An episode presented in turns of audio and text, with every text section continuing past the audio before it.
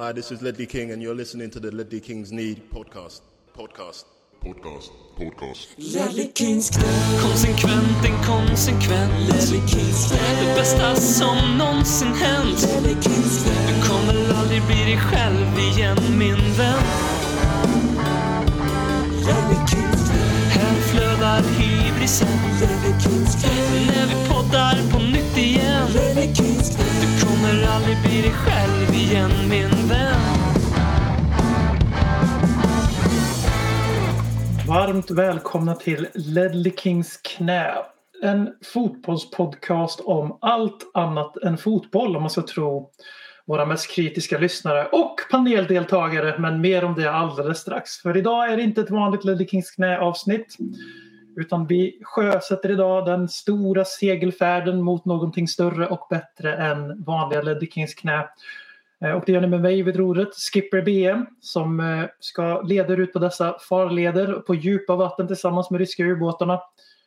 Eh, och till min hjälp så har jag ju från Mölndal, Mölndal, Mölndal Göteborg, Brålanda, Vetlanda. Eh, osäkert, men i alla fall från någonstans nära Göteborgstrakten har jag med mig segelexperten som har seglat världen runt och därmed äger ett par röda byxor. Eller hur Alice? Nej. Först och främst är jag inte i Göteborg, jag är i Stockholm om jag får be. Så du har bytt 03 till 08. Jag är en äkta 08-brud. Nej, men tack så mycket. Känns superkul att vara här. Hur är det med dig, BM? Det är jättebra, men jag måste, jag måste stanna upp här och inte liksom låta din diversion funka. Så jag måste stanna upp. Så här. Du har inte seglat världen runt. Nej. Äger du ett par röda byxor? Nej. Bra. För jag har sett på, när jag läst på här om segling som jag sent om sidor fattade i ditt Twitternamn att du håller på med segling på något sätt. Eh, Så jag läste mig till på den här tv-serien på någon kanal att eh, röda byxor får man bara ha om man har seglat världen runt. Så jag har slängt alla mina röda byxor nu efter att ha sett det här När man har seglat över Atlanten. Ah, mm. Eh, Det är tydligen en skillnad på de här två sakerna. Och bara ett exempel på vad mycket ni kommer lära er av att ha Alice med den här nya lanseringen. Och sen en till person som jag tror ni kan lära er kanske ett par ackord eller två. Eh, någonting om Aviciis eh, rytmmönster i trummorna kanske. Vad vet jag, jag är inte musikalisk. Det lärde vi oss sist vi satt vid tre plus Robin. Men det här är från Brålanda. Han har nyss kommit hem från Inger Åkes loppis och det är Peter Hector. Välkommen till Ledley Kings knä, magasinet. Ja, tack så mycket. Jag kan ju börja med att säga att eh, ackord på trummor det är väldigt svårt PM. Det, det, det är det första jag kan säga, men annars är det, annars är det rätt. Eh, med en ny poddmick idag också. Faktiskt en likadan som eh, du har BM. Så att, eh, förhoppningsvis lite bättre ljud idag än vad det var sist gången jag var med för någon vecka sedan. Jag måste säga ändå att det är ödmjukt att du lägger upp det så efter du karaktärsmördar mig när jag försöker skapa nya vägar inom musiken med ackord på trummor som måste, borde ju vara jätterimligt kan man tycka. Eh, att, eh, att eh, du säger att du, du har samma mix som mig när sanningen är att du, jag har samma mix som dig nu med. Ja, jag vet att jag är ödmjuk BM. Jag försöker liksom hjälpa in det här men ja, det är sant. Eh, Men du kommer inte heller undan mitt eh, förhör här utan jag måste ju fråga om det stämmer att du kommer från Inger och Åkes loppis eller förstår du ens referensen? Nej, det gör jag inte. Du får eh, förklara. Låt mig förklara. Jag googlade idag på Brålanda. Lärde mig till min chock och fasa att det tillhör Vänersborgs kommun. Så det måste vi också reda ut i dagens podd.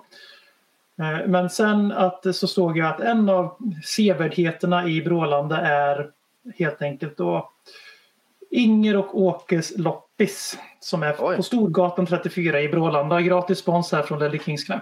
Shit, ja, jag är 33 år har bott i Brålanda i 28-29 år och de har aldrig hört talas om detta. Så det är, man lär sig nya saker i Ledley Kings knä. Det är en sak som är säker.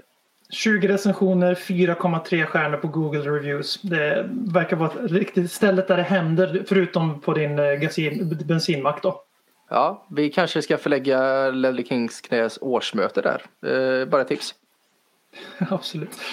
Eh, Så det, vi ska göra en ny typ av spin-off. Ni som har hört talas om Ledley Kings knä-arkivet vet att det är när Håkman och Folin sitter och pratar om hur allt var bättre förr. Förutom när de karaktärsmördar ABB och hyllar Tim Sherwood till skyarna.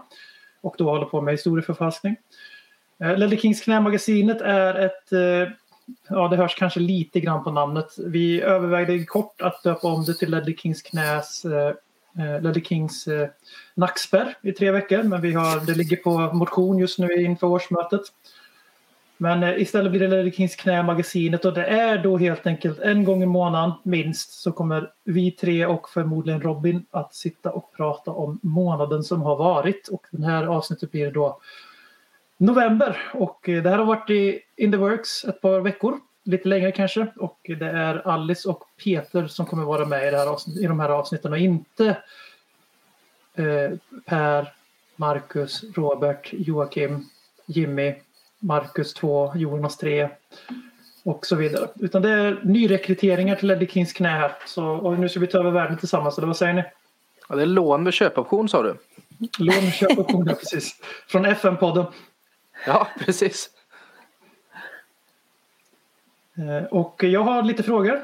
För att jag vet att en av våra mest kritiska lyssnare och numera panelmedlem Peter Hector älskar sånt här. Det är hans absoluta höjdpunkt.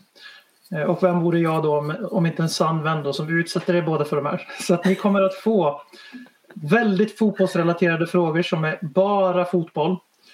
Och så ska ni snabbt svara här. Inte så mycket betänketid utan den första frågan då är om ni strandsattes på en öde ö, kanske efter att Alice seglat er vilse någonstans på Atlanten eh, och ni måste spendera den här tiden på ön tillsammans med en Spurs-spelare. Vem och varför?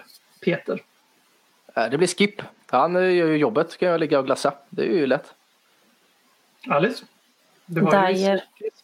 Erik Dyer, ja det tog, inte, det tog sex minuter för Dyer-båten kom fram här i magasinet. Det kan ni lära er på en gång att Erik Dyer är han är liksom vad Lamela har varit för Ledley Kings knä så kommer han att vara för magasinet. I alla fall av en tredjedel. Kan man ta Dyer-båten ifrån den här öde, eller öde ö, eller vad säger man? Ja, men jag, eller jag ångrar mig. Dyer är ju Dyer-båten men jag har nog haft Höjbjerg med mig på ön. Jag vet inte, danskan, jag kan alltid lita på den danskan. Den enda danskan jag kan lita på. så. Känner du många danskar? Ja, jag jobbar ju på ett danskt bolag. Så. Ja, just var- nu ja, men imorgon när podden släpps så får vi se om det samma. Världens bästa jobb har jag. Ja. Ja, men jag tror definitivt de kommer köpa det efter att du så här, kategoriskt bara nej, det finns ingen bra dansk i världen förutom Pierre-Emil Hömje, punkt. ja exakt. exakt. Och Men om jag frågar er istället sportlunch eller kexchoklad? Sportlunch 100 procent. Ja, men Oj, Nästa fråga. sett en så innan du får en stroke. Ja, men alltså, det, här är, det här är magi. Alltså, jag tror att någonting, det är något historiskt som har skett här i första avsnittet av magasinet. Att eh, vi har alltså en hel panel som föredrar sportlunch före kexchoklad. Eller kexchoklad som ni kanske säger, ni halvgöteborgare. Lätt. Halv Eh, Förlåt, förlåt eh, halvstockholmare. halvstockholmare. Det är också, men jag säger ändå inte kex. Eh, Och det är ju så här att det här är ju då en snackis som har följt med i podden den här hösten och därför så var jag tvungen att ställa Det är liksom, ni vet när man pratar om blood in blood out när det gäller gänginitieringar i Compton i Kalifornien exempelvis. Det här var motsvarigheten. Jag måste säga att ni, ni klarar det. Inte för att jag hade kunnat gjort så mycket här från andra sidan Sverige, men ni överlevde. Skönt. Nästa fråga, åter till fotbollen. Om ni hade tillgång till en Spurs-match och en DVD-spelare på ovan nämnda ö som Alice hade seglat vilse på vägen till. Vilken match hade ni tagit med er och varför den matchen? Ni får inte ta med 3-2 i Amsterdam. Då blir det ju 6-4 hemma mot Reading när Berbatov gör fyra mål. Det hade jag nog tagit. Fina Berba. Nej men jag, gud, jag har faktiskt ingen sån match eh, om man får vara lite som inte har hänt för så himla länge sedan. Men eh, annars är det nog typ en, eh, City-matchen innan Ajax där. Den, eh, den, är, den, den har liksom allt. Det är helt sjukt att man fick två sådana matcher på varandra typ som har allt. Så, Fast finns det en match som definierar Tottenham mer än 6-4 mot Reading? Det är en fråga. Nej, det gör det nog inte. Men jag var, nej. Men jag, fick, jag tänkte att jag inte fick svara Anthony samma. Garner, alltså det här försvaret drar mig baklänges. Mm. Tänk, tänk att vara Berbatov och Robbie Keane liksom och veta att okej. nu, vi behöver göra 3-4 då för att ha chans på poäng men ja ja, vi, vi kör liksom. Ja, det är lite, jag tänkte säga, du sa Berbatov och Kane men det måste vara ganska mycket så Son och Kane har känt sig i sådär tre år i tot- dagens Tottenham. Eh, Ja. Min match hade nog varit, eh, när du sa det här, vad är mer synonymt med Tottenham? Eh, än 6-4 mot Reading. Då tänker jag att direkt mörk som man är, liksom, direkt bara till 3-5 Manchester United. 3-0 i paus, 3-5 när det är slut. Ja, jo. Men den, den förtränger vi. Pommes Pin, eller Pommes Pinnes, eller Pompö, som det tydligen ska uttalas. Bu eller bä? Aldrig testat tror jag faktiskt. Jag vet knappt vad det är. Jag är ingen så här chips eller snackskille så. Otroligt rimliga svar. Jag köpte en sån påse när vi skulle anlita Antonio Conte på grund av vår chattgrupp här ute Spågar. Kan vara världens mest överskattade tilltugg. Fan vi löser ju det här Alice, det är bra. Mm, tack. Sista frågan på frågerundan så att våra lyssnare ska känna er som om de vore era bröder och systrar. Så är det ju helt enkelt att nu går ni in i rollen, nu har ni lämnat seglingen, ni har spolat i land någonstans i, utanför USAs kust någonstans eh, efter att Alice har seglat er vilse. Och ni måste nu till Dr. Tottenham. Tyvärr. Och eh, då måste också ni tillsammans med Dr. Tottenham sätta en diagnos på dagens Tottenham 2021. 21, 22, 2021, 21, 22. Och hur lyder diagnosen på Tottenham och vad är medicinen? Oj. Eh, under Mourinho hade du sagt ALS. Det, det finns ju liksom inget, eh, ingen lösning på det. Men eh, eh MS då. Nu har vi fått lite bromsmediciner här med Conte. så att jag, jag säger MS. Ja, ja, men jag vet inte. Corona kanske. Det brukar aldrig försvinna så får väl stanna där. Och ni ser nu när jag fått ner min panels eh, fantastiskt glada positiva humör till en hälsosam nivå för Ledley Kings knä så går vi då över till att faktiskt snacka lite fotboll. Långa poddar, långa poddar, långa poddar om Spurs. För tror eller ej, vi spel, det här lärde vi oss tillsammans innan inspelning att Tottenham spelade fyra matcher i november. Det skulle varit fem. Eh, men vi var snarare och, rotade i de lägre tvåorna för att se om vi hittade tillräckligt mycket matcher. Men vi har spelat fyra matcher i november. Alla har varit ledda av Antonio Conte. Inser jag nu att det kanske inte stämmer, men det får vara så.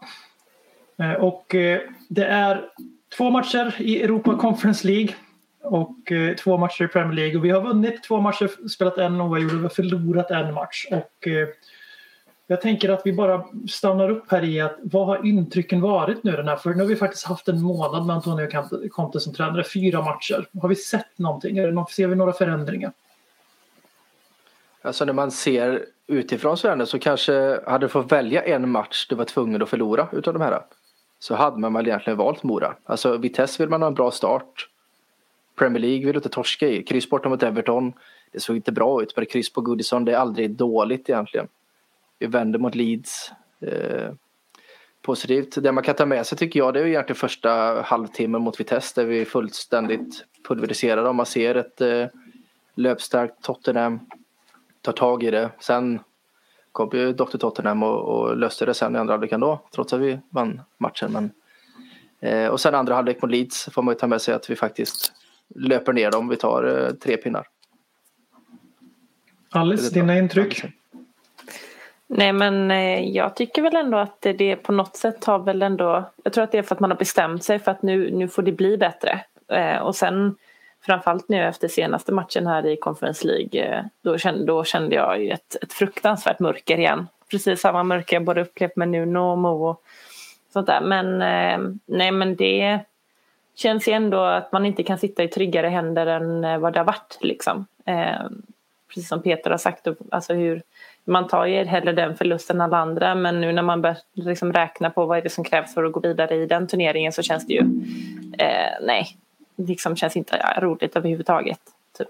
Eh, och det är klart, det är en känsla man inte vill ha med tanke på att det är Tottenham i en Conference League. Så tudelat. Om vi stannar upp där lite för det blir ju naturligt så. Vi har ju faktiskt inte spelat in något avsnitt heller efter Mora. Så alltså, det är ju den senaste matchen som har spelats på grund av snön i Burnley. Eh, och just det här du säger om att eh, vi har först börjat med Peter då som säger att om man fick välja en match, om man var tvungen att förlora en av de här fyra, då hade jag nog ta mig fan också valt den. För man vill inte att Conte ska förlora sin första match på sidlinjen. Eh, men sen det alldeles fyller på här med just det här att man sitter liksom och, eh, vi sitter och räknar ut olika scenarier för att Tottenham ska klara av att gå vidare till en extra playoff-runda eller extra slutspelsrunda i Europa Conference League. Och det, eh, det var, gick någonting som gick runt på Twitter där i samband med, för ungefär två år sedan så, så spelade vi liksom Champions League-final, två och ett halvt blev det ju såklart. Eh, och eh, nu så sitter vi och räknar ut hur vi ska undvika att åka ut i gruppspel mot i Europa Conference League. Eh, så den resan symboliseras ganska bra här. Men när vi just fastnade i den insatsen lite. Vad var det som hände där egentligen på, på, mot Mora? Jag har ju valt att se det åt andra hållet som jag även tweetade om att jag tror kanske att detta på sikt kan vara det bästa som kan hända för Tottenham. För att insatsen är så katastrofalt jävla dålig. Och förstå mig rätt nu då. Vi slår Leeds med 2-1 men det ser ju inte bra ut. Eh, 0 mot Everton, det ser inte bra ut. Men så länge du får resultaten så liksom, ja, då funkar det. Jag tror att det här vi upplever nu mot Mora att vi kanske åker ut Conference League och Paratici och Conte får se hur jävla illa det egentligen är. Det kan vara det bästa som kan hända på sikt. Vi behöver gå igenom ett stålbad. Vi behöver börja i januari och ren krass Conference League. Åker vi ur den då kommer folk säga ja ah, för fan ni kan inte ens vinna den, ni åker ur, ni är sämst. Vinner vi den så kommer folk säga ja ah, vem bryr sig, det är bara Conference League. Så för mig har det egentligen varit en turnering där vi kan rotera, vi kan få igång ja, spelare som inte kommer igång, men Dele Alli, Joe Rodon och de här att de ska få speltid. Så att för mig egentligen, åk ur skiten, banta truppen, sälj av och hitta nytt blod och gör ett riktigt stålbad. Det, det, tror jag på riktigt kan vara det bästa som kan hända. Jämfört med att vinna, hacka sig vidare, det ser inte bra ut och så behåller man lite spelare istället för att verkligen göra en, en rejäl insats. Jag tror det är det som krävs. Ja, det ligger mycket i det där att eh, det var ju en, ja, hur ska man, hur man, hur ska man sätta ord på det här haveriet till match? Eh, eh jag tror alla sa innan vi tryckte på rekord att vi spelade bättre efter vi blev en man kort. Och eh, säger väl det mesta. Men eh, det man blir lite så här en sak som seglar upp nu på Twitter-sfären om Tottenham är just att det här är ju inte en isolerad händelse att vi ser ut som att vi kunde tänka oss ungefär precis vad som helst hellre än att spela de här bortamatcherna i både Europa League och nu Conference League de senaste åren. Ganska länge skulle jag vilja hävda att det har sett ut så. Ända sedan vi fick en första smak på Champions League nästan. Eh, och då måste man ju vrida frågan mot det här att är det en hållbar ursäkt för de här spelarna, på truppspelarna som, som får sin chans att visa en ny tränare vad de har, vad de har att ge Tottenham? att ah, men vi möter Mora, det är en tuff match, det är tråkigt, vi vinner nog, vi ställer ut skorna, det gjorde vi ju inte, det vet vi alla. Så Alice, vad tycker du om det här, just det här att man försöker hitta ursäkter för att spelarna inte känner att det är så jävla kul att spela i Europa League? Vi har ju den här B-lagsincidenten med Nuno och allt det där. Nej men jag tycker det är för jävligt. Jag är ändå den som försöker vara optimistisk och ha en positiv eh, när det kommer till eh, liksom Tottenham. Det är lite den rollen jag tycker om att vara i men men det man fick beskåda, det är precis som ni har varit inne på. Jag vet inte om det var vem av er, om det var du BM som har varit inne på det här innan att när, när Nuno kom in och man såg på Conference League, liksom, även alltså när det blev klart samma sista omgången där i fjol, liksom, att det kändes ju som, vad är det här för hittepåliga? Redan där börjar man ju liksom tala ner det.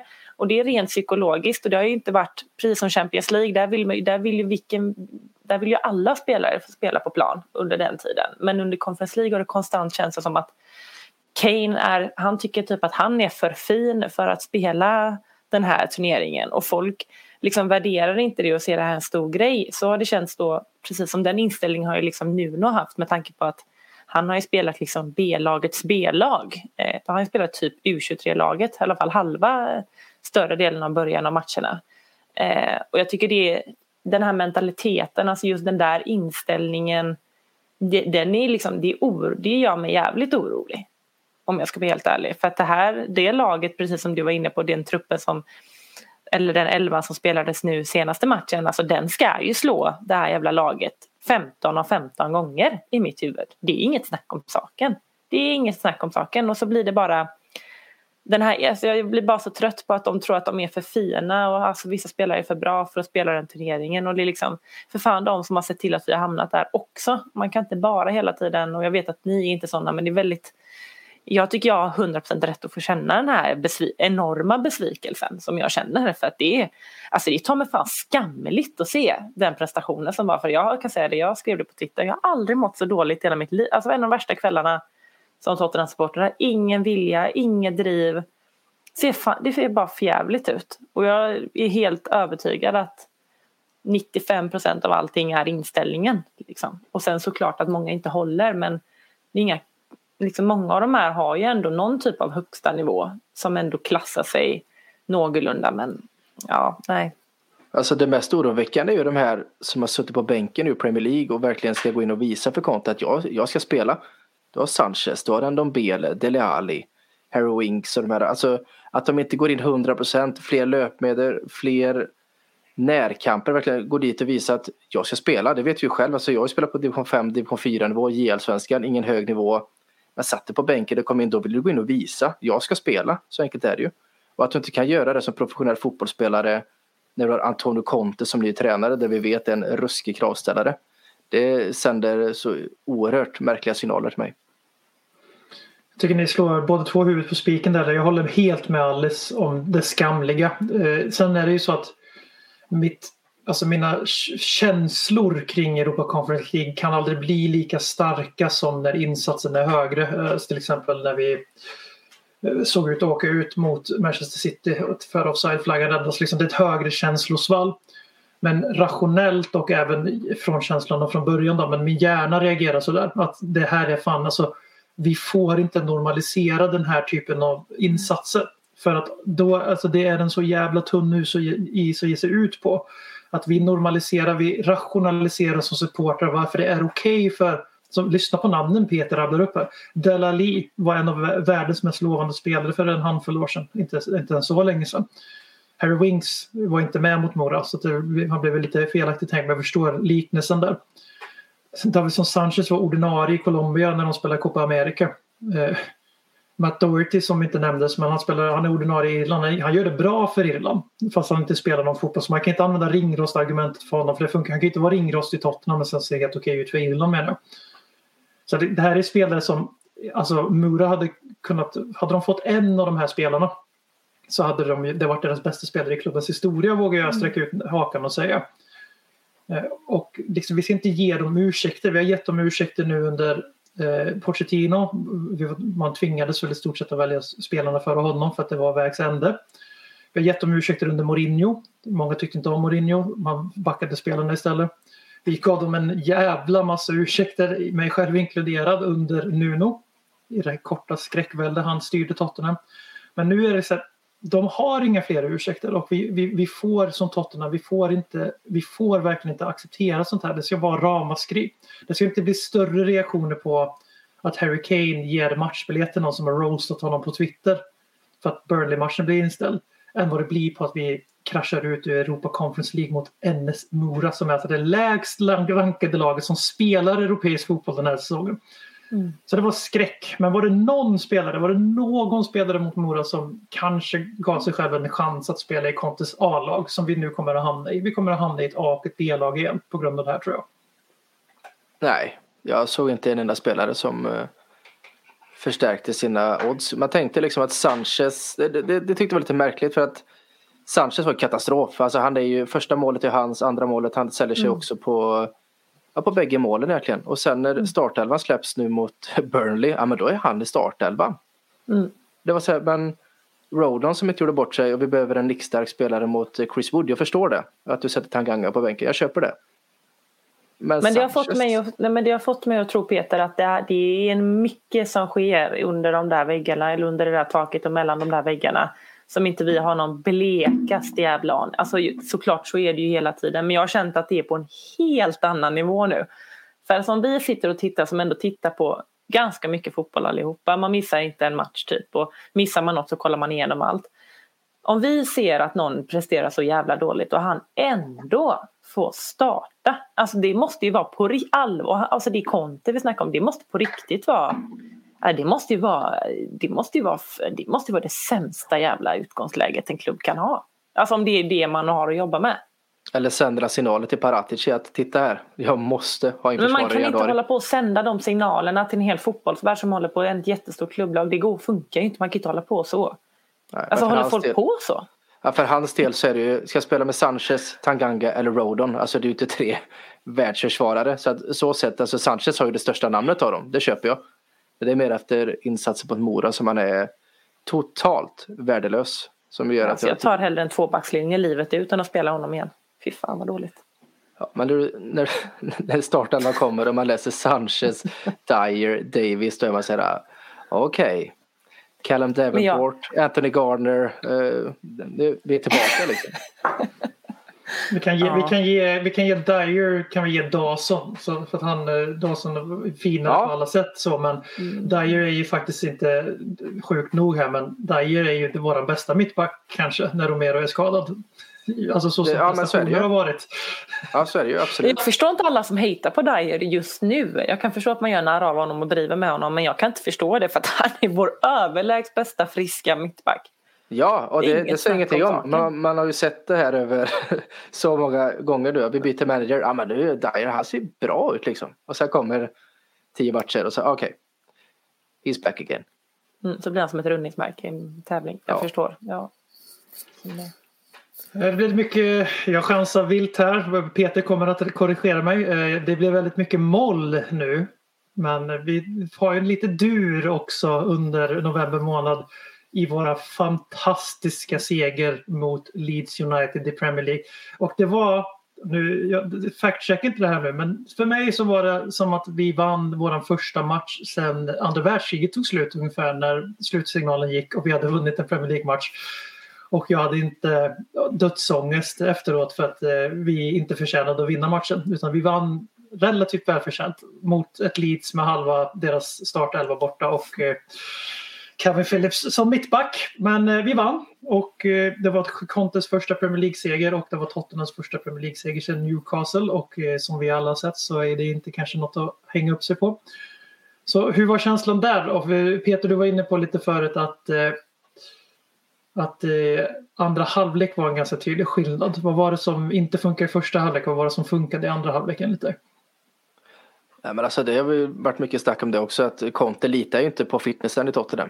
Han tror inte att vi kan spela Pochettino-fotboll i 90 minuter, gå upp och sätta press, spela intensivt, vinna bollen högt utan automatiskt tror han tillbaka trupperna lite och är det något lag som kanske inte är värt att möta då spelar ingen roll om de har ordinarie lag eller inte. Det är ju Leeds för det är ju positionsbyten. Vårat 3-5 eller 3-4-3 det sitter inte riktigt än. Eh, så, så sätt är det kanske det värsta laget att möta. Men det, det är fortfarande inga ursäkter. Vi, vi går inte dit, vi vinner inte boll. Eh, vi ser uddlösa ut. Det såg, det såg på riktigt ut som att vi var Nuno igen första halvlek. Andra halvlek flyttar vi positionerna. Vi springer ner Leeds egentligen. Eh, där tror jag ju dock att hade de haft Rafinha och Bamford, de här spelarna, så hade vi inte vunnit den här matchen. Det, det ska jag vara ärlig och säga. Samtidigt som att vinna med 2-1, vända ett 1-0 underläge, det är klart att det stärker oss. Nu, nu plockades ju det mot Mora då såklart, men eh, alltid på sätt att vinna. Men jag vill ju se det här högintensiteten eh, Tottenham från start. Alltså, gör vi det mot Brentford, Norwich, det kanske räcker med 70 minuter. Vi kanske kan vara lite slöa sista 20, det gör inget för då ska vi vara ledare med 2-3-0. För så pass mycket bättre fotbollslag är vi, tycker jag. Att vi behöver spela med mycket högre press, vi måste vinna bollen högre upp. Eh, Och det tänker jag också, visst det är jobbigt att springa och ta löpbeten men det är ju väldigt mycket lättare att vinna bollen högt och löpa de metrarna än att behöva löpa hem hela tiden, löpa upp, löpa hem, löpa upp. Så vinner du bollen högre upp så är det lättare att etablera ett anfallsspel högre upp på banan. Så det är det jag hoppas på nu på, på torsdag mot Brentford. Absolut. Men det var ju också en del av hans taktik ju, Conte. Han sa ju det efter. Bara, men han sa ju det, han var ju helt, han sa väl själv att det såg lite för illa ut i första halvlek. Men det var, han, det var ju ändå hans taktik. Sitta lågt, att de ska springa slut på sig och så är Tottenham jättepigga inför halva och så ska vi köra över dem. Det var ju hans taktik. Ja, samtidigt med lite oflyt så har du 0-2 i baken i, i första halvlek och då, då kan du springa hur mycket du vill. ändå. Då, men det var ändå det som var hans taktik för han litade inte på Tottenhams fysik. Så är det. Men samtidigt som jag tror att ja, det är hans taktik, men så låga och så uddlösa och så uddlösa vi var framåt framförallt. Det, det, det tror jag inte är att Nej, han är men det nöjd med. Det kan inte vara Det nu. såg mycket värre ut än vad han sa. Eller han sa att det såg mycket värre ut än vad han trodde det skulle se ut. Ja. Och att han var tvungen att skruva på det i halvlek. Men, men eh, jag tror lite Sverige, Spanien, eh, Jan Andersson coachning. Alltså det är lite det tänket också. Liksom sen. Men man behöver inte bli så extremt som det var. För det var ju, det var ju fruktansvärt.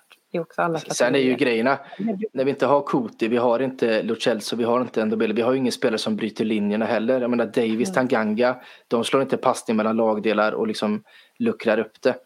Skip och, eller var det Wings och uh, Höjbjerg. Det är samma, Höjbjerg har en fin passningsfot men Alltså, han söker ju inte det offensiva alternativet i första hand.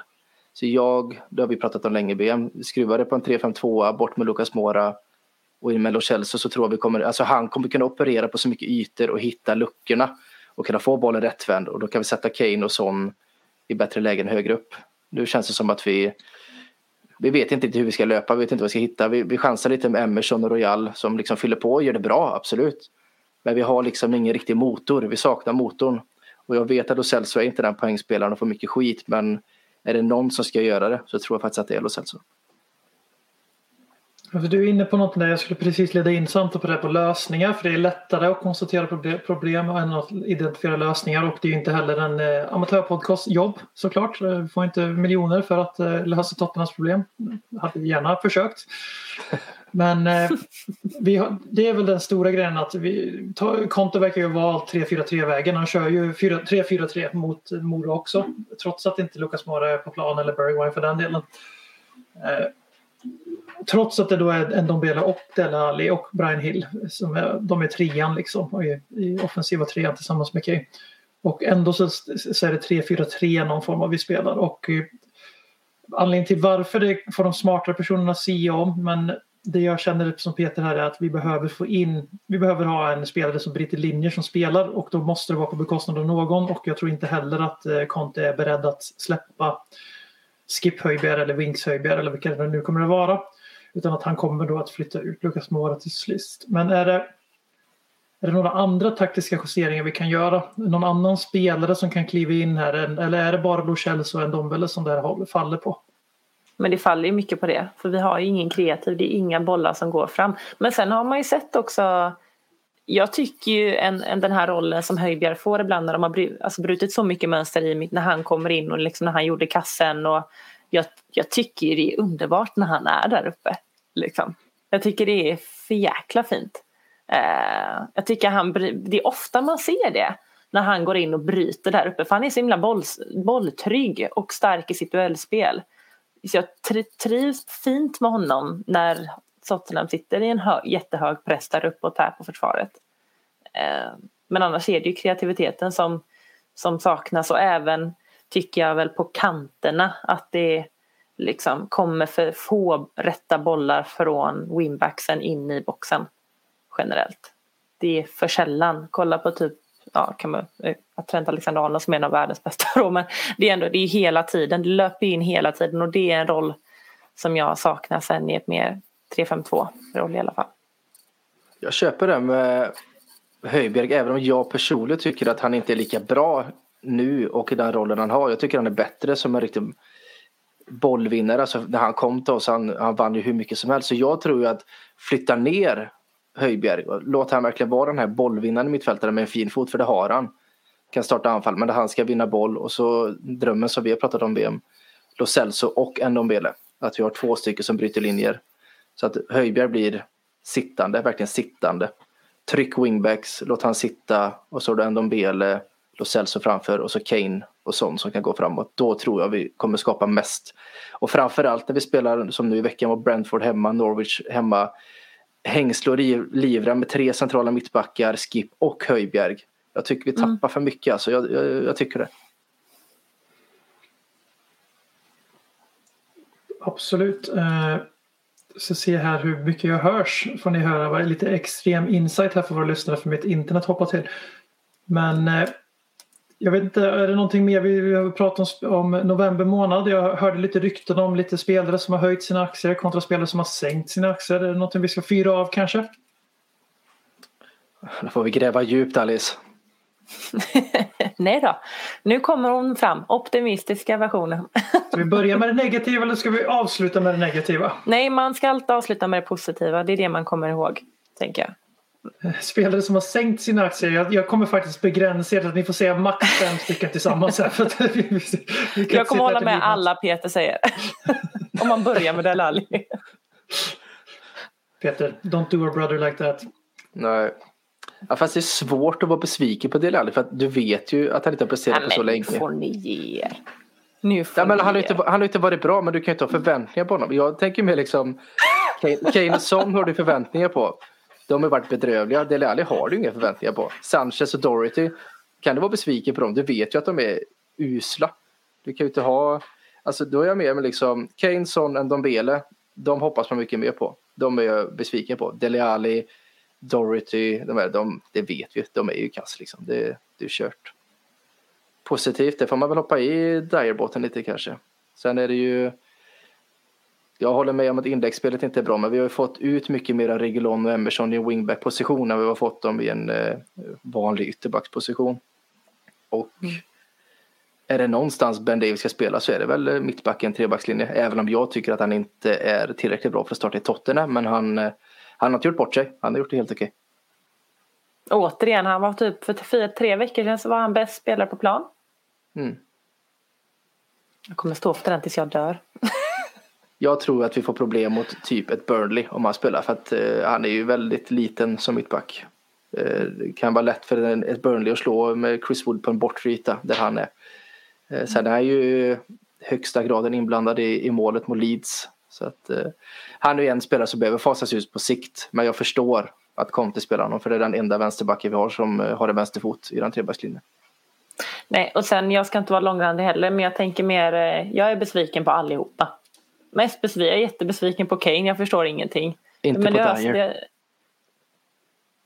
Nej men nej, låt mig vara Du sa att du var besviken på allihopa. Sen så... ja, jo, men jag är besviken. Jo, men jag bara säger det. Alltså, jag har varit väldigt besviken på allas inställning. Det är det enda. Och jag, det är det enda jag typ bryr mig om. Sen att man liksom att Sessignon får ett rött kort och ja, det är sånt som sker. Liksom. Det är väl inte det alla blir mest förbannade på. Liksom det tillhör ju tyvärr sporten men det är mer inställningen som jag känner. Eh, och sen liksom alla vet ju väl vad man tycker vid det här laget och Peter sa det också. Det är klart man är, men jag är inte, inte lika besviken på sån som jag är på Kane. Det kan jag säga. Sån han är ändå, han, han ler ju ändå. Och sen håller jag med om Cecilion för att han såg ändå pigg ut mot Leeds. Man tänkte ju att nu, nu tar han chansen förhoppningsvis. Men det är fruktansvärt onödigt. Det är ja, inte det är många som har kommit fruktansvärt dåligt och det var ju när han satt där på presskonferensen. Åh, jag är så tacksam. Åh, jag är så ödmjuk inför den här uppgiften. Det här är det största som har hänt mig. 32 minuter, eller vad tog det? 22 minuter. Ja, Nej, det är så jävla underkänt. Det är så jävla klappkast. Så det kan bara bli bättre. Det, det kan, kan bara bli bättre. Har du någon sån eh, du känner, BM? Det är en spelare som kommer alldeles för billigt undan här. Det är kanske jävligt orättvist och kanske mer en ackumulation över hela säsongen. Men det är Pierluigi de Rapper Golini som är, ta mig fan, den sämsta reservmålet jag har sett i mitt liv tror jag. Menar du det? Han har väldigt lite att göra för att han får bara stå i Conference League och han räddar ta mig fan ingenting som är, det här, nu, det här copy-paste på Bardi säger det för någon annan säger det.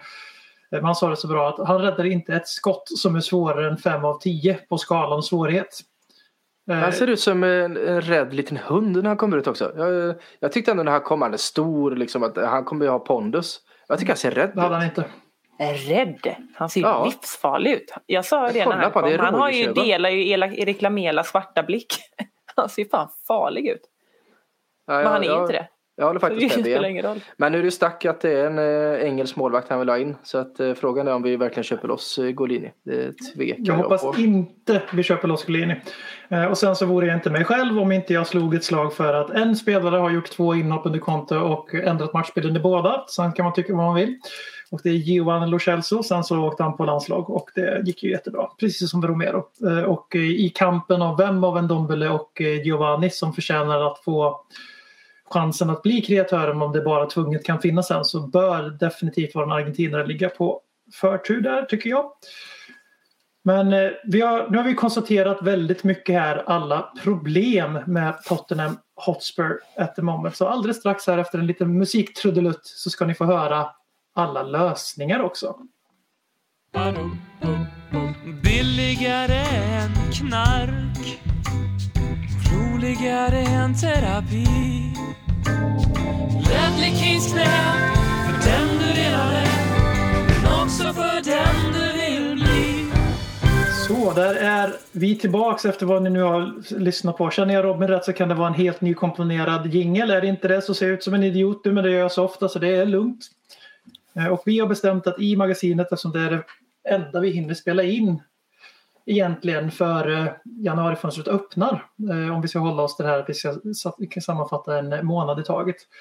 Så börjar vi redan nu blicka framåt eftersom att riktena kommer att börja intensifieras. Så vi har skickat våran silleguro Peter Hector här på ett litet uppdrag och han har då sammanställt som jag förstår det Tottenhams business sedan 2017 är det va? Jag tror att det till och med är 2017, 2018 ja, precis. Och eh, vi ska gå igenom den helt enkelt och se vad vi har fått för utfall på våra dyra slantar. Och eh, sen förhoppningsvis också ska vi försöka öppna en liten dörr till hoppet och eh, presentera några behov och exits i januari. Ja, det är lite dyster läsning här faktiskt till en början. Jag tog lite smutt här på... Ja, men det kommer. Jag tog lite smutt här på Tomasi-vinet, lite italiensk feeling för Paratici och Conte. Som jag hoppas är lösningen på detta. Men, men nu ska ni få höra på någonting mina vänner. Tottenhams transfers. Nu har jag inte tagit med lån utan jag har tagit med rena köp. Vill ni lyssna på något ganska horribelt? Absolut, jag är redo. Då har vi följande spelare. Lucas Mora, 25 miljoner pund. Davison Sanchez, 35,5 miljoner pund. Serge Aurier, 21,1 miljoner pund. Fernando Llorente, 12 miljoner pund. Tanguy Ndombele, 51 miljoner pund. Giovanni Lo Celso, 48 miljoner pund. Steven Bergwijn, 27 miljoner pund. Ryan Sessignon, 25 miljoner pund. Jack Clark, 9 miljoner pund. Sergio Reglon, 25 miljoner pund. Pierre-Emil Höjbjerg, beror på om jag räknar då, 14 miljoner pund men eh, Kyle Walker Peters åt andra hållet för 12. Eh, Matt Doherty, den fantastiska värvningen, 12 miljoner pund. Joe Rodon, 10 miljoner pund. Christian Romero, 47 miljoner pund. Brian Gill, 21 miljoner pund plus Erik Lamela. Emerson Royal, 21 miljoner pund. Och sist men inte minst bänknötaren i de som ligger sist i Ligue Ö. Papesar 14 miljoner pund.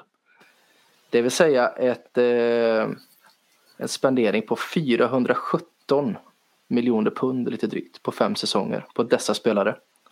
Då vill jag höra er spontana tanke när jag säger detta.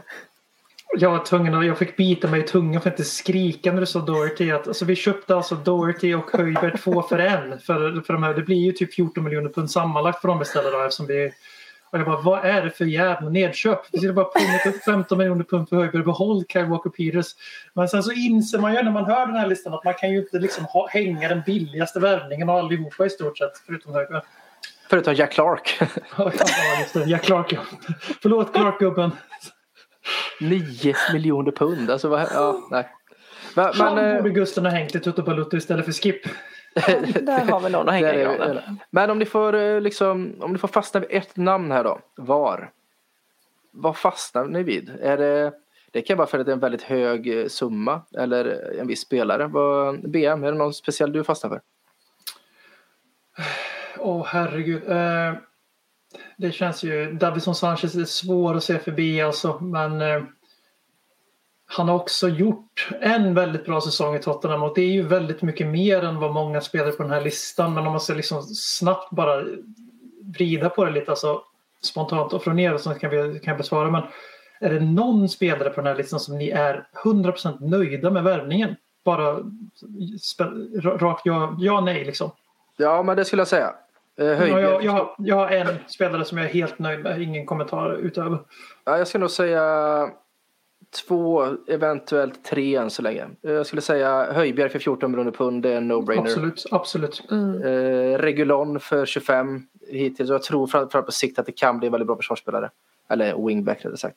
Sen Emerson Royal för 21 miljoner pund. Det är ju inte 40 miljoner pund, det är ändå 21 miljoner pund. De tre kan du köpa. Romero 47 miljoner. Vad sa du? Han kom in istället för Serge också. Exakt.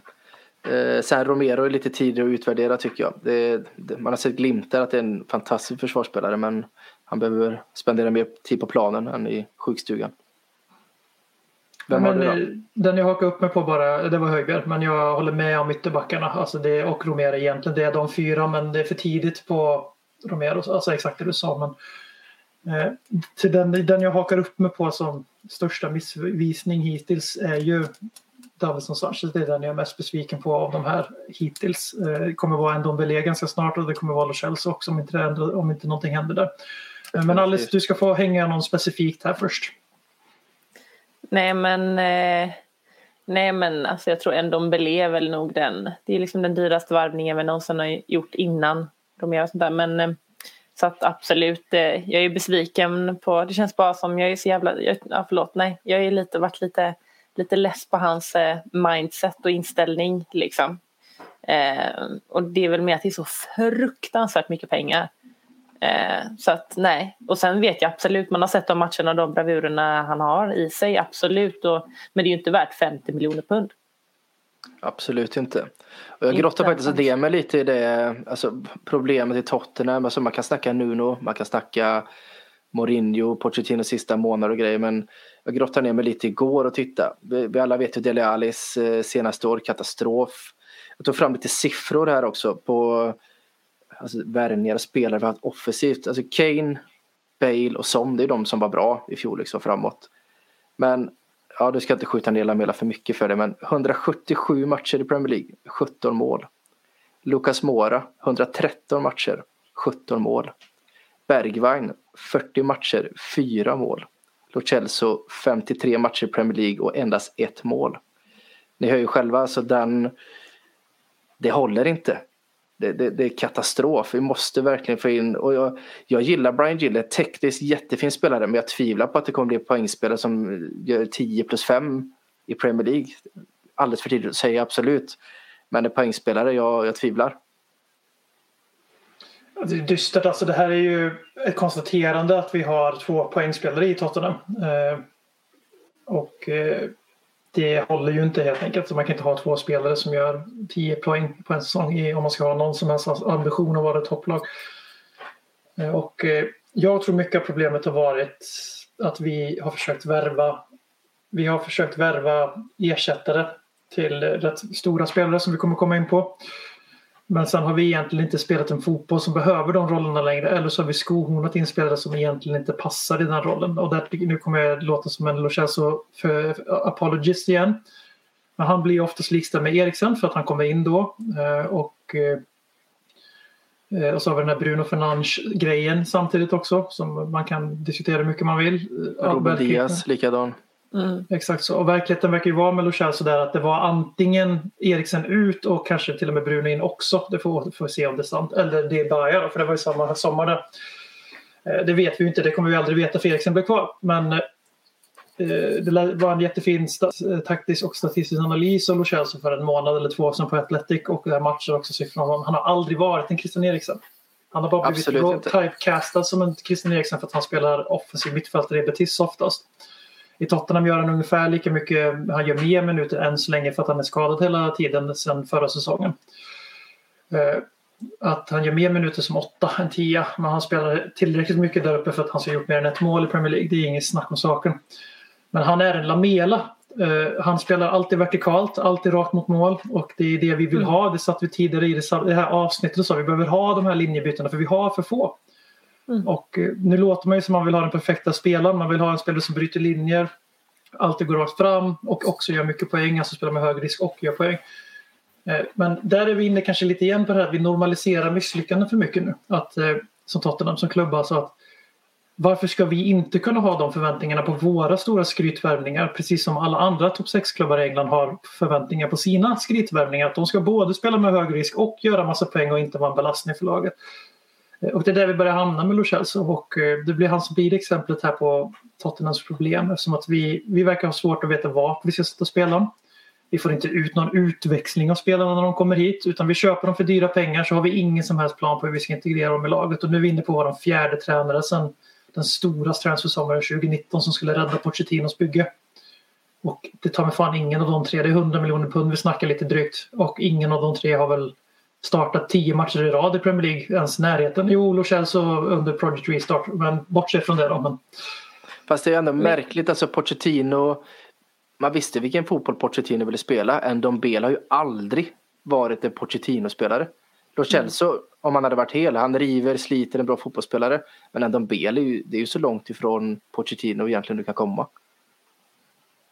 Men jag Ja, jag vet tror- inte, hur känner, hur, bara en fråga, hur känner ni? För att, var, det inte förra säsongen som typ Son blev utnämnd, typ, om man kollar på all statistik, att han var typ en av världens mest effektiva avslutare. När det kom till chanser och sånt där. Och det är lite den kalibern vi vet ju att vi har. I honom och i Kane. Alltså jag tror, jag vet inte hur ni känner, men varenda gång jag ser Son i straffområdet med en boll med tre försvarare, antingen vid en kontring eller alltså någon typ av kontring eller bara när han är där. Jag känner ju varje gång, nej men nu är det jävla stor chans att det blir mål. Och det är ju precis det där, man vill ju bara att han ska få vara i den rollen med en boll. För vi vet ju att det är då han gör mål. Alltså jag är så... Det är, precis, och det är därför, som vi säger, jag, jag kan faktiskt erkänna att jag... Är det så att vi behöver en kreativ mittfältare som Blosell som han steppar upp och får in den typ av rollen. Ska jag vara helt ärlig, att jag tänker inte att han behöver göra 17 plus 15. Det är inte det jag tänker. Utan jag vill bara att bollarna ska komma till de som är världsklassanslutarna. För det är då vi gör mål. Och vi Det är har, precis ha som du sånt. säger när, när. Son och de kommer i läge. För när Lucas Mora kommer, Bergman kommer, Dele Alli kommer i de lägena. Alltså jag reser mig inte ens upp i soffan för man vet, okej. det händer ingenting. Och vilket är sjukt för Lucas Mora har ju riktigt bra tillslag på bollen. Han är ruskigt snabb, men han är för osmart fotbollsspelare. Det är ju det som är problemet med Men den perfekta Fifa-spelaren och det säger jag med all kärlek till människan jag kan mustra. Alltså han är den perfekta Fifa-spelaren. Oh ja. Men om man, vänder, på- om man vänder på det liksom. Det här är vad vi har plockat in. Och vi går tillbaka då till vad jag kallar Pochettinos elva. Man kan eh, argumentera för att Dyer var med i den, absolut. Men jag skissar upp att Juris i mål. Då är det en fyrbackslinje med Walker, Alderweireld, Fertongen, Danny Rose. Eh, två sittande Ivanjama och eh, en, eh, Dembele. Eriksen, Dele Alli, Son framför och Kane längst fram. Vad har vi plockat in som ska ersätta de här spelarna och varit bättre? Hittar ni någon? Jag kan se ganska enkelt eh, de här som vi var inne på lite de här forcerade stoppa in fyrkantiga klossar i runda hål och så vidare. Där vi har en Dombele skulle vara Dembele. Eh, Lo Celso skulle vara Eriksen. Eh, Romero är väl Bretongen kanske. Eller ja, han får vara Bretongen. Eh, ytterbackarna de har vi ju pratat om. Så jag ser ju i teorin, men det här vill jag också slänga in en brasklapp. Jag tror att det är vi supportrar som gör det här. Och eh, uh, givet på är då media också för de gör samma, lik- samma liknelse för det, det funkar, det blir klick liksom. Det är lättast att förstå så. Inte behöver man inte läsa en massa astråkiga statistiska analyser och sådär liksom. Men för att svara på din egentliga fråga som inte är vad vår tanke har varit bakom varje värvning. Eh, så är det ju att det är ingen spelare vi har värvat som har höjt slagkraft, slagkraften på någon av sina eh, företrädare. Jag kan inte komma på någon som ens är i närheten av den här elvan, alltså när det kommer till våra nyförvärv i alla fall. Det är om Höjbjerg skulle liksom konkurrera med Wanyama. För Wanyama rent krasst var ju otrolig en, en och en halv säsong. Sen eh, dalar ju han men det är väl kanske den enda skulle jag säga. Ja, Höjberg är beredd att, den, den han är närmast, absolut. Det, alltså Dele Alli 2021, då kan du slänga in vem fan du vill av en Dombel och eh, Lo Celso ger dem lika mycket speltid där uppe och de kommer göra bättre än ifrån sig än vad han gör 2021. Men 2016 Delle hade ju ätit de här två herrarna till frukost. Ja, ja, så är det. Mm. Och en Bele och den Bele, alltså jämförelsen med att slå ut sin motståndare, den är inte olik, absolut. Skillnaden är ju att, att, att våran älskade Dembele var ett fysiskt monster. Våran Ndombele, han eh, hänger lite för mycket på pizzerian, eh, känslan. Men han är inte gjord för Premier League. Det känns lite så tyvärr. Han psyk i alla fall. Frågan är om han någonsin kommer lyckas. Alltså på den högsta nivån. För att talangen, det har, alltså sätt Zlatans huvud på eh, Ndombele, du har haft en världsklasspissfältare. Det är ju ingen snack om saken. Mm. Men han har ju inte skallen, Nej. tyvärr. Så, alltså efter vilket otroligt upplyftande segment. Vad ska vi säga? Vad var det 420 miljoner pund i runda slängar som har investerats i truppen sedan 2017-ish. Alltså när, när Tottenham stod på sin absoluta peak så har vi pungat ut ganska mycket pengar. Vi har varit inne på det i podden vid tidigare tillfällen. Jag tror till och med det nämndes när ni var med sist att den här bilden av oss att Tottenham inte spenderar några pengar den har ju Peter Hector här skjutit ner rätt jävla ordentligt. För jag utmanar nu lyssnarna att lyfta fram spelarna vi har sålt för att finansiera de här investeringen på 420 miljoner. För det var rätt länge sedan vi sålde en spelare för de här pengarna. Det är Kyle Walker som är sist. Eh, Christian Eriksson är ingen det jag kommer släpande med för han kostar ungefär som en Matt Doherty. Eh, men så vi har spenderat 420 miljoner. Ingenting har blivit bättre. Allting är mörkt och eh, det är dystert och tråkigt. Och november, jag tycker det är ett värdigt avsnitt för en november månad i Sverige som ofta är mörkt dystert. Men december är runt hörnet. När ni hör det här så är det december. Julkalender är på gång. Julklappar börjar klickas hem och julfiranden ska planeras och ställas in på grund av corona. Nej, men fan jag ska vara positiv, nu. Eh, och då är ju också våran fotbollssupporternas höjdpunkt på året nummer ett och det är ju när transferfönstret öppnar igen för då kan man spendera hela sitt vakna liv med att eh, spendera tid framför skärmar för saker som inte kommer hända. Men vi ska ändå här nu försöka identifiera de absolut viktigaste behoven i Tottenham. Det är ett januarifönster, någonting tror jag kommer att hända på grund av att konto har kommit in. Och vi ska väl sätta ihop en liten lista med lite spelare in och lite spelare ut och försöka hålla oss realistiska. Det blir, inget, eh, det blir ingen Fifa-rotation här med åtta spelare ut och 15 in för det, det händer inte i fotboll helt enkelt. Eh, Kanske i Brålanda IF, jag vet inte, får fråga sportchef. Jag hoppas Ja, inte det- hans spelare lyssnar på avsnittet bara ifall han svarar.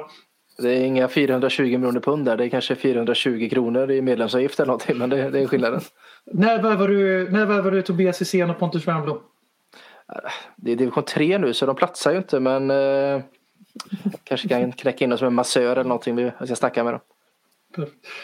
Nej, men vi, så här enkelt, vi har fått många frågor så jag nämner de här nu. Det är från Måns, Axel Berg med flera, Anton inkluderat, som har ställt frågor om just januarifönstret. Och då börjar jag helt enkelt med att fråga Alice, vad är ditt idealfönster? Om du, om du, fick, säga, du fick styra Paratici eller Paratici i en månad, vad skulle du göra?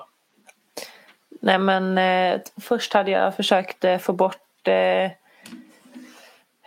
Ja men lite som vi pratade om innan. Jag, jag, vill, jag vill i alla fall ha in kritiskt först en riktigt bra mittback. En renodlad klar mittback. Eh, och jag kan inte säga vem det är. För jag har tänkt på det här flera Jag hade kunnat tänka mig Calvin Phillips men det kommer ju aldrig någonsin ske för jag tycker om han som fotbollsspelare och ni kommer väl höja ögonbrynen 3000 meter upp i luften nu. Men, men eh, nej, där är väl jag just nu. Eh, ta bort eh, Ja, men lite som Peter, jag vill inte ta dina ord som du säger så himla bra. Men eh, du var inne lite på Sanchez förut och det, jag är ju väldigt, har väl låtit det sjunka in här nu en timme och eh, kan mötas där. Och sen vill jag in en till, eh, någon typ av kreativ mittfält, mittfältare och en eh, striker. Men det kommer inte hända så att, ja. En mittfältare tack. Eller en mittback tack. Peter, om du måste välja mellan anfallare och mittback. Du får bara ta en, vad, vad väljer du? Eh, då hade jag vridit det till ett 3-5-2 och eh, plockat in en mittback för då kan Kane och Son spela på topp och eh, Lucas Mora kan på något sätt avlasta. Så mittback hade jag sagt för jag tycker verkligen att vi saknar alternativ där. För det första behöver Romero komma tillbaka, Dyer behöver fortsätta vara så bra som han är. Så behöver vi få in en tredje där. Så det hade jag sagt, även om jag skriker efter en anfallare också som kan avlasta.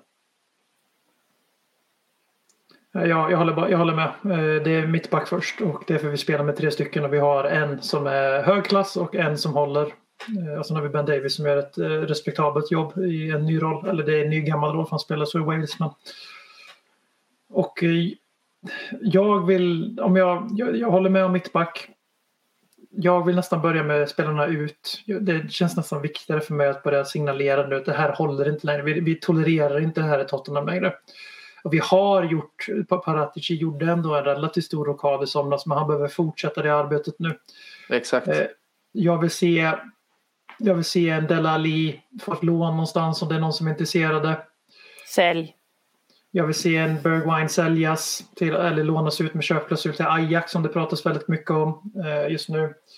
Jag vill se eh, Sanchez säljas för att få in medel men då är ju då förutsatt att det kommer in en ersättare annars får han lov att vara kvar.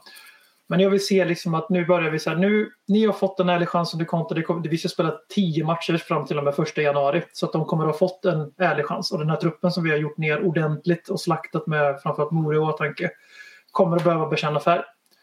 Eh, och eh, om de inte höjer sig markant de här breddspelarna då måste vi börja skicka dem i januari. Och jag struntar fan i hur mycket vi får för dem och vilken klubb de går till och allt det där. För vi måste börja signalera att det är inte, du är inte Tottenham för att du har pikat. Du är här för att du ska ta Tottenham till nästa nivå. Det här är inget jävla pensionärshem som man har i gött, tjänar storpengar, bor i London, spelar i en klubb som har ett enormt rykte i världen. Och sen behöver man inte anstränga sig, man behöver inte prestera, man får vara kvar ändå i flera år. Och det, det vill jag se ett slut på i januari, men bara få välja en sak. Sen är problemet, jag håller med dig. Uh, skeppa Sanchez men vi ska ju vara klart för oss att plocka in någonting i januari. Det är ju väldigt svårt. Alltså det snackas om Laporte förut. En sån spelare löser inte i januari. Pau Torres i Villarreal spelar Champions League. Alltså du löser inte han i januari. Eh, Kondé, Sevilla som vi var sugna på. Löser aldrig januari. Nej. Eh, Börjar snackas om Delicht vilket jag eh, inte ger eh, stor chans heller. Milenkovic har vi ju snackat om du och jag BM. Fin mittback i Fiorentina. Men det är samma där. Alltså, du släpper inte de spelarna i januari. Och ska du släppa dem då är det ju hutlösa summor i sådana fall. Vilket jag tvivlar på att vi kommer lägga i, i januari. Men jag håller helt med dig. Vi måste lasta av de här eh, spelarna. Och det är nu. För att man vill inte plocka in en ny Joe Rodon. Det är inte det vi behöver. Vi behöver ha en, eh, en Romero-typ som går rakt in i startelva. Det är exakt det vi behöver. Men bara en fråga, det är det här jag är lite orolig över. Att Sanchez om han ska gå, alltså Levi kommer inte sälja för honom mindre än 15. Ja, Och vem ska köpa honom ja, men för det, 15? Ja men det tror jag. Det tror jag att han har det. Alltså, ja, men om vi utgår från att han inte gör det då, för det finns en stor risk att han inte gör det, för det är Levi vi pratar om. Vad fast gör, tror- alltså, Jag tror han har marknadsvärde. Alltså ordinarie Colombia, mycket rutin från Premier League. Jag tror det finns klubbar som skulle kunna nypa honom. ja, men Vi han har- titt, de, titt, de scouterna tittar ju också på Mora-matchen. Absolut. Men eh, det är där du har agenter. Det är där de kommer in i bilden. Vi har sett Jo, jo nej, men jag tänker mer, jag tycker det var någon som sa det väldigt bra någon gång, liksom att det vi Matt ser, det Doherty ser kostade andra 12 också. miljoner med ett år kvar på kontraktet. För Ja, kontext. nej, men jag undrar bara, vem, vem, vem, vad, ska, vad ska Sanchez gå? Jag, tror, alltså, jag, jag, jag, jag tror klubbar som Aston Villa och sådana här klubbar absolut skulle kunna tänka sig en sån spelare. Och Sanchez, för han spelar ordinarie Premier League och får sju steg så tror inte jag han är eh, omöjlig att flytta på sig heller. Sen är det nog så att säga, Premier League, det är där degen finns. Eh, jag tror dock att Sanchez hade passat bäst i, i Spanien. Där tror jag han hade varit jättefin i ett eh, Betis eller Sevilla eller ett sånt liknande lag. Och där tror jag vi kan få ut honom bakdörren genom att vi kör ett lån med klausul fram till sommaren så att de inte behöver punga i januari och sen eh, får de chansen att klämma lite på honom före de Mm. bestämmer sig. Eh, För att eh, jag håller med Alice, det kommer bli svårt att göra saker i januari och vi ska nog inte förvänta oss så mycket men vi är rörande överens om att det är mittback som ska prioriteras och att det är en exodus som ska genomföras. Mm. Eh, För att eh, någonting måste ske och Conte måste få forma sitt lag och vi kan inte vänta till juni och börja den här processen. Sen Nej. får vi nog ha eh, Peter nämnde en hel rad med fina mittbackar som är förmodligen omöjliga i januari och det gäller ju även Dusan Vlahovic såklart och Dejan Kulusevski och allt vad det har snackats om. Jag har dock svårt att se vilken roll han skulle få i Contes 3-5-2 men det tar vi någon annan gång. Och vi får nog vara mer inställda på den här vänsterfotade mittbacken från Torino exempelvis. Som, eh, om vi nu ska värva någon i januari. Eh, Jag kommer inte ens ihåg hans namn, vilket säger det mesta. Om min kunskap om Torino. Eh, Jag tror mer att du får sikta inne på de här spelarna vars kontrakt går ut i sommar. Ja, finns du det har ju- det.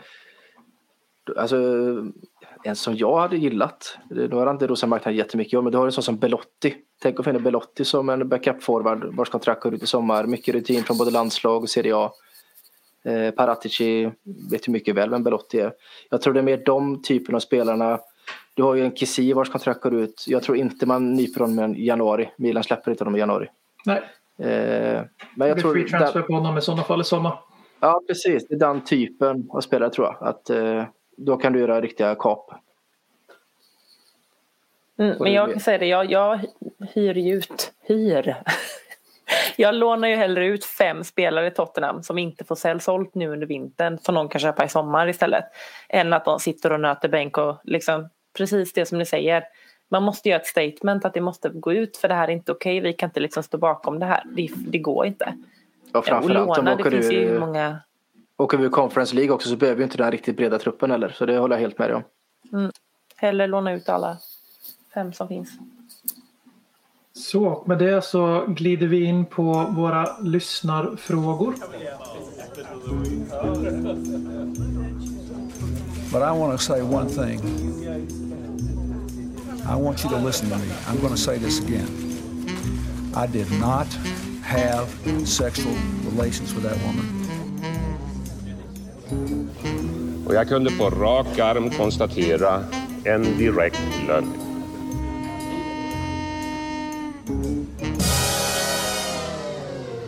Eh, det är inte så många idag. Jag har valt ut noga. Och eh, ni, har ju, ni som har lyssnat än så länge, ni, ni vet ju att det finns ett litet mönster med dagens avsnitt. Jag håller ju på med lite så här hazing om mina nollor så att säga. För, och därför är det ju två icke-fotbollsfrågor här. Varpå den första är riktad till Alice Sale, antar jag. Och det är då vilken Tottenham-spelare skulle vara till mest nytta på din segelbåt? Hmm. Nej men eh, den gode dansken. Han, gud vad tråkig. Jag, säger tre, jag får tre frågor i den här podden och jag säger dansken alla gånger. Det är, eh, stämmer. Du sa inför avsnittet att du skulle ha D- Dyer-båten men vi får ju döpa om det till Höjbjerg-kryssaren. Nej men jag tänkte ju, tänkte ju ett helt lag först. Eh, så då var jag ju så här. Först tänkte jag ju liksom Reguljon, han är på fördäck för han är lätt och smidig. Eh, jag vill ha typ Loris för han är bra på strategiska beslut. Han ska få ta när jag lägger och sover. Jag tänkte liksom Gotland runt 24 timmars race men, men jag fick ju bara, nu blev det ja, Vänta lite nu. Dyer-båten. Så när, när du pratade om det här Gotland rund förut då tolkade jag dig som att det var du, jag och Hector som skulle ge oss ut på det här men du menade du och Tottenham-truppen. Nej, Vilken ni, lättnad, ni, Peter. ni är ju min topp. Jag är jättenöjd. Men som man vet att Dele Alli bara hade suttit i bar, Uber och solat hela tiden. Han har inte gjort någonting. Han hade ju bara Nej. suttit där liksom. Han har Nej, fått sån har här suttit med Golini. låtsasuppdrag. Så här Jättenöjd. bara, du, men du kan väl sätta dig och repa ihop den här eh, tussen med rep. För det behövs. Nej, herregud. Jag hade varit som Gurra över. Atlanten. Förbannad hela tiden. Eh, Det var Martin Jonliden som ställde den fantastiska frågan. Men Peter, Ja. bara- för att du inte är segerkapten så du är ju ackordtrummis. Så att du får ju ändå chansen att eh, svara på vem som du skulle Har ha ni på din sett havet någon gång? Ni som bor mitt i landet. Alltså jag har ju Räknas spelat så mycket havet? på Finlandsfärjor så jag har faktiskt gjort det. Just det, du är också Finland. Men har du sett havet någon gång, Ben? Räknas Vänern annars nej. Du har det på riktigt? Jo det är klart jag har men det är roligare. Ja, ja. ja. Jag har, Fan. har du sett snö någon gång? Nah. Jo jag såg det i Att jag Contes ställde den frågan precis. Jag såg det på Contes där på den här eh, bilden efter Burnley. Ja, den, såg som, den som eh, såg ut som en julsingel. Absolut. Han ska droppa bars tillsammans med Golini. Faktiskt Men, så- eh, För att komma tillbaka till frågan, såg du svaret där? Någon sa eh, Dorothy. Ja, det borde vara ankare. Det tyckte jag var ganska fiffigt faktiskt.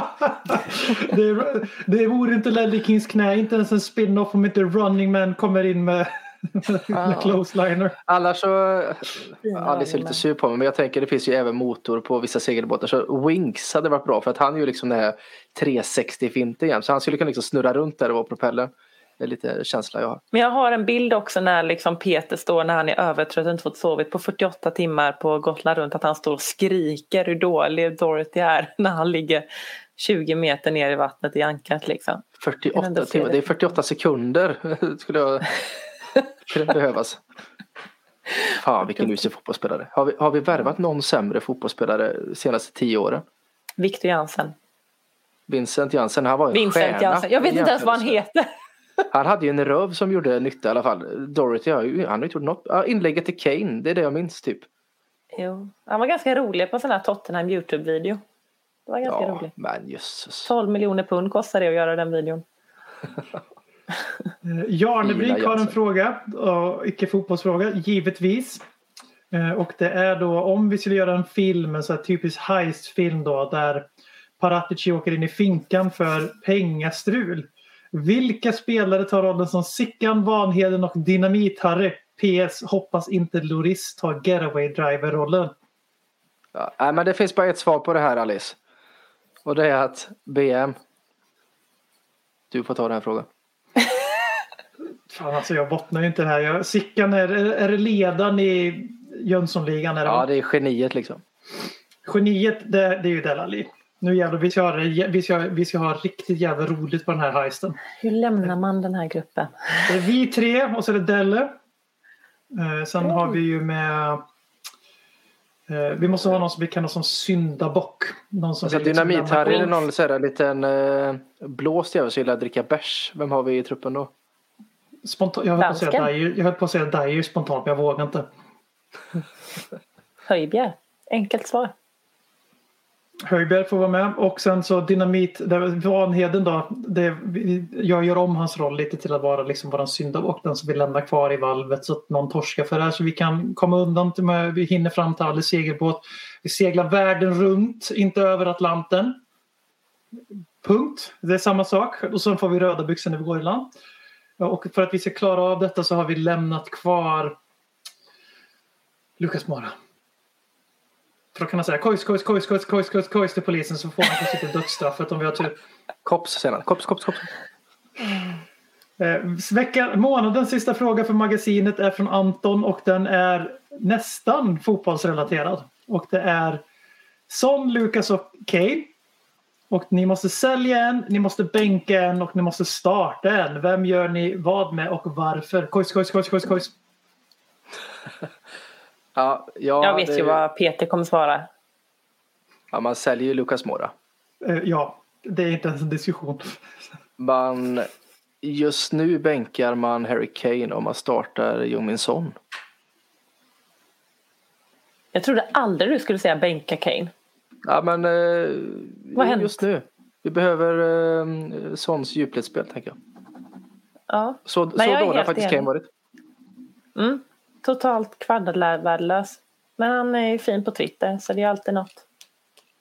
Ja, fast Lukas Mora nu med cold, cold, cold, cold. Den var faktiskt ganska rolig också efter Burnley inställda matchen. Det får man igenom. Världens härligaste människa.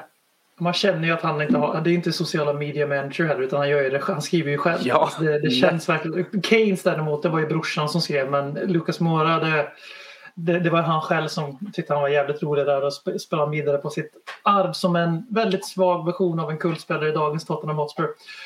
Eh, och med de orden så avrundar vi första avsnittet av magasinet och jag kan garantera att eh, decembers avsnitt när vi går igenom december någon gång i 2022 så kommer vi vara lite gladare för då kommer vi inte ha förlorat mot NS Mora precis innan inspelning.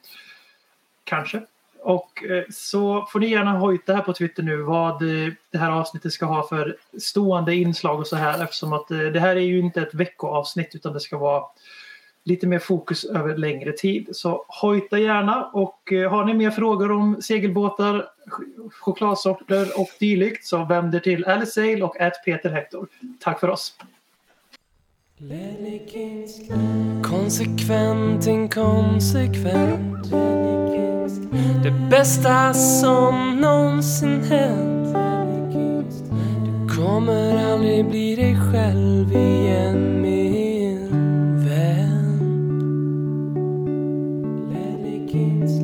Här flödar hybrisen.